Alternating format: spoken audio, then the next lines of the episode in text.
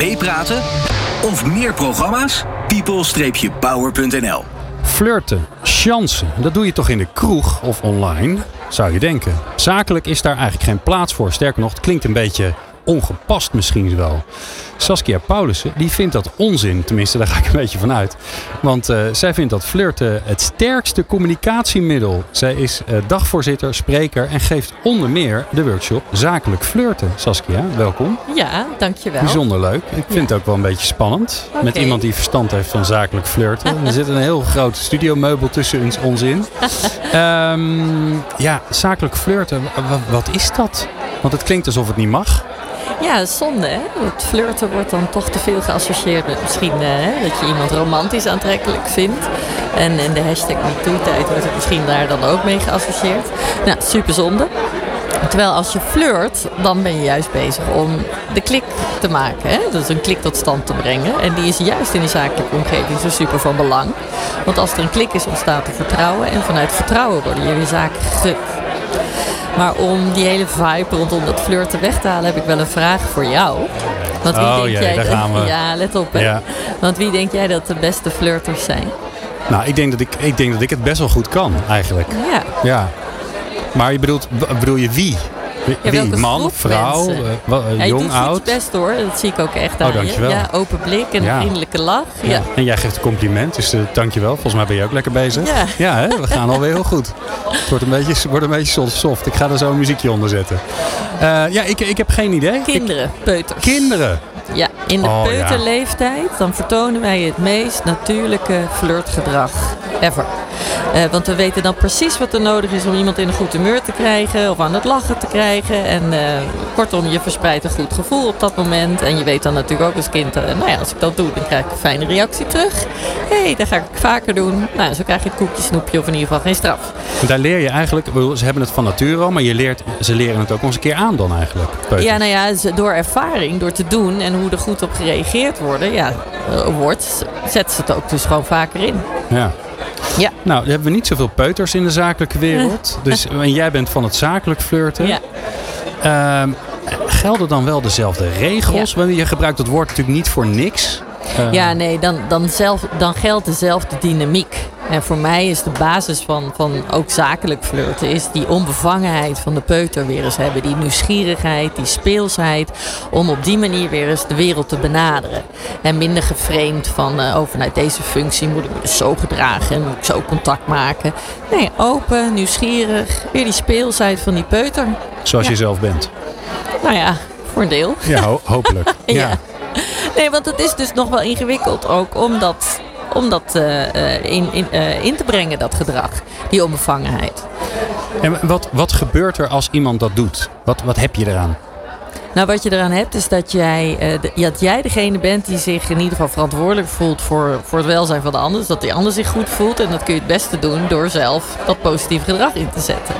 En, uh, en die openheid te betrachten. En uh, daarmee nodig je de ander in ieder geval ook uit om dat te doen. Als ik hier nu met een heel chagrijnig gezicht ga zitten, dan reageer je ja. anders op mij dan op de manier waarop ik nu communiceer. Dus uh, wat je eraan hebt, is dat jij dus degene bent die ervoor zorgt dat er een goede sfeer en een goede ja, vibe is tussen jou en de ander. Ja, en dan denk ik, nou leuk. Dan heb ik, heb ik heel veel leuke gesprekken. Maar ja, ik, uh, ik heb mijn eigen bedrijf of ik ben werkgever en ik zoek mm -hmm. mensen. Ja, krijg ik dan leukere, betere kandidaten? Komen mensen dan bij mij werken? Heb ik dan meer klanten? Wat je doet is dat je het beste voorwaarden schept voor, een, uh, voor contact. Maar zeker ook dat je zo ervoor zorgt dat je goed gevoel achterlaat bij mensen. En dat is wat mensen onthouden. Het gevoel wat je achterlaat. Tuurlijk, je woorden en wat je doet, allemaal prima. Maar er zijn er ik weet niet hoeveel andere van. Maar waar jij het verschil mee kan maken, is het gevoel wat je achterlaat. En daar ben je mee bezig. En dan laat je verder de uitkomst gewoon los. Ja, nou geef jij daar workshops in. Mm -hmm. Nou, help ons. Ja. Wat moeten we doen? nou ja, het belangrijkste... Ja, ik kom binnen bij iemand die ik niet ken. Laten we zeggen, uh, ik kom bij een klant binnen. Of misschien in dit, in dit kader van, uh, van de, deze inspiratiedag van het UWV. Mm -hmm. er, er, komt een sollicitant bij mij. Mm -hmm. ik heb, er is een enorme krapte op de arbeidsmarkt. Dus ik wil mijn beste weentje voorzetten. Wat moet ik doen? Nou, het belangrijkste is, ik ga, ik ga altijd aan de hand van drie flirtfases te werk. Flirtfase 1 is flirtvol zijn. En dat is dat je jezelf weer even in die onbevangen, nieuwsgierige modus zet. Hè, beetje zoals de peuter weer eh, is. Dat je zo de wereld in kijkt.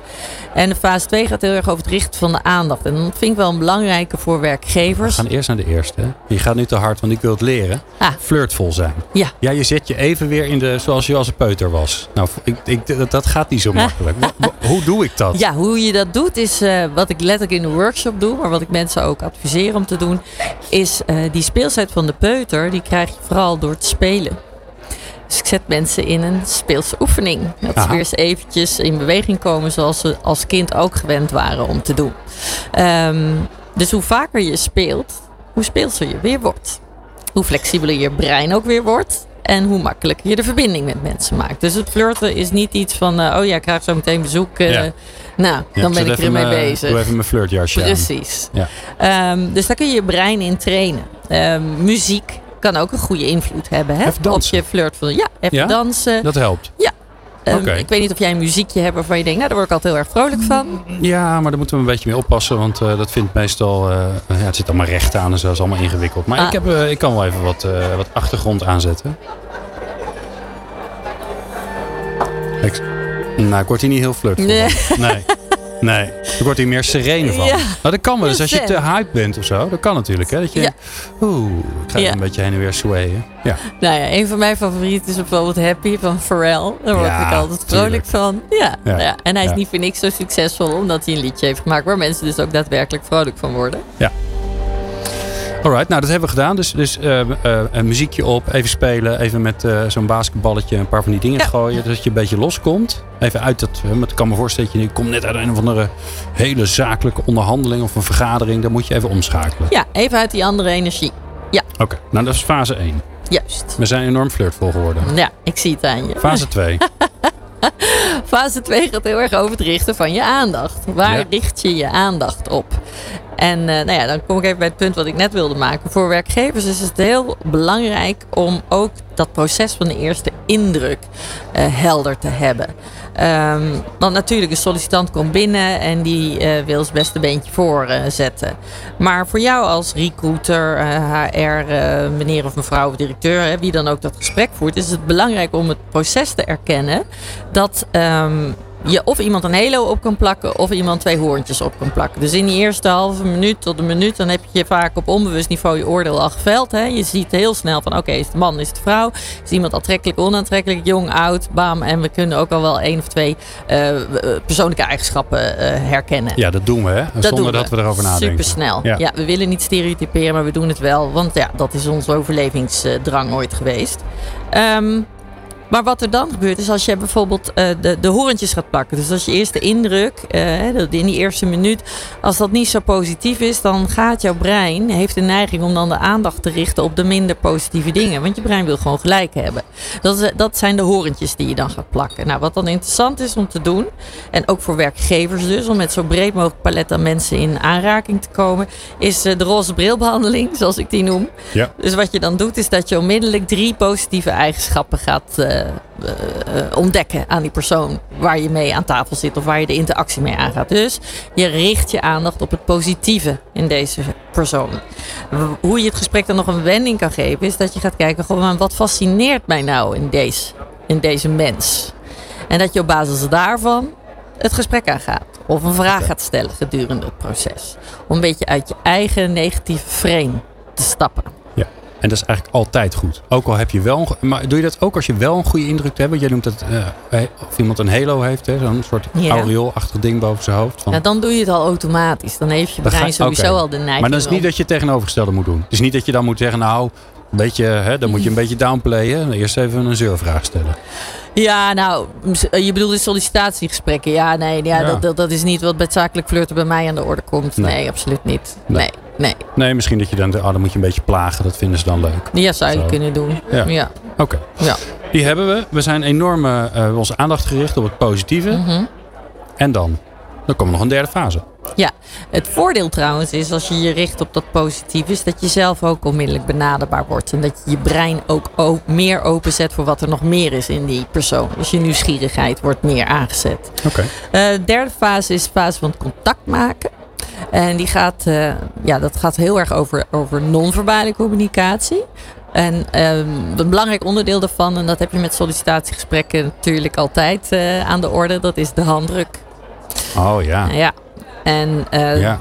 Hoe ja, hard knijp ik? Precies. Nou, hoe hard knijp je? Ja. Daar moet je soms wel eens mee oppassen. Ja. Ik heb ook wel eens iemand gehad die, uh, die had een soort, uh, een soort reuma aan de handen. Dus Mhm. die, die heb ik pijn gedaan. Dat was Ja. ook niet helemaal handig. Ja. Nou, het is ook, dat is ook het eerste wat er altijd aan bod komt. Want hoe stevig moet je handdruk zijn? Mensen roepen altijd, ja, die moet heel stevig zijn. Maar ja, wat stevig? Ehm, dus in plaats van handen geven, wil ik vaak de mindset geven, hand ontvangen.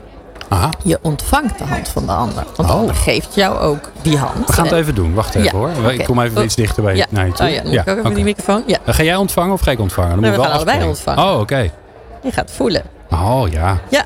Oh, wat goed. Ik heb wat geleerd. Wat Ja, goed. wat- ja, wij wat- geven wat- elkaar nu een hand. Ja, Ik probeer te beschrijven wat er gebeurt. En je bent veel meer bezig van wat, hoe, hoe stevig is het. Ik merk ook dat we steeds harder gaan Ja. knijpen.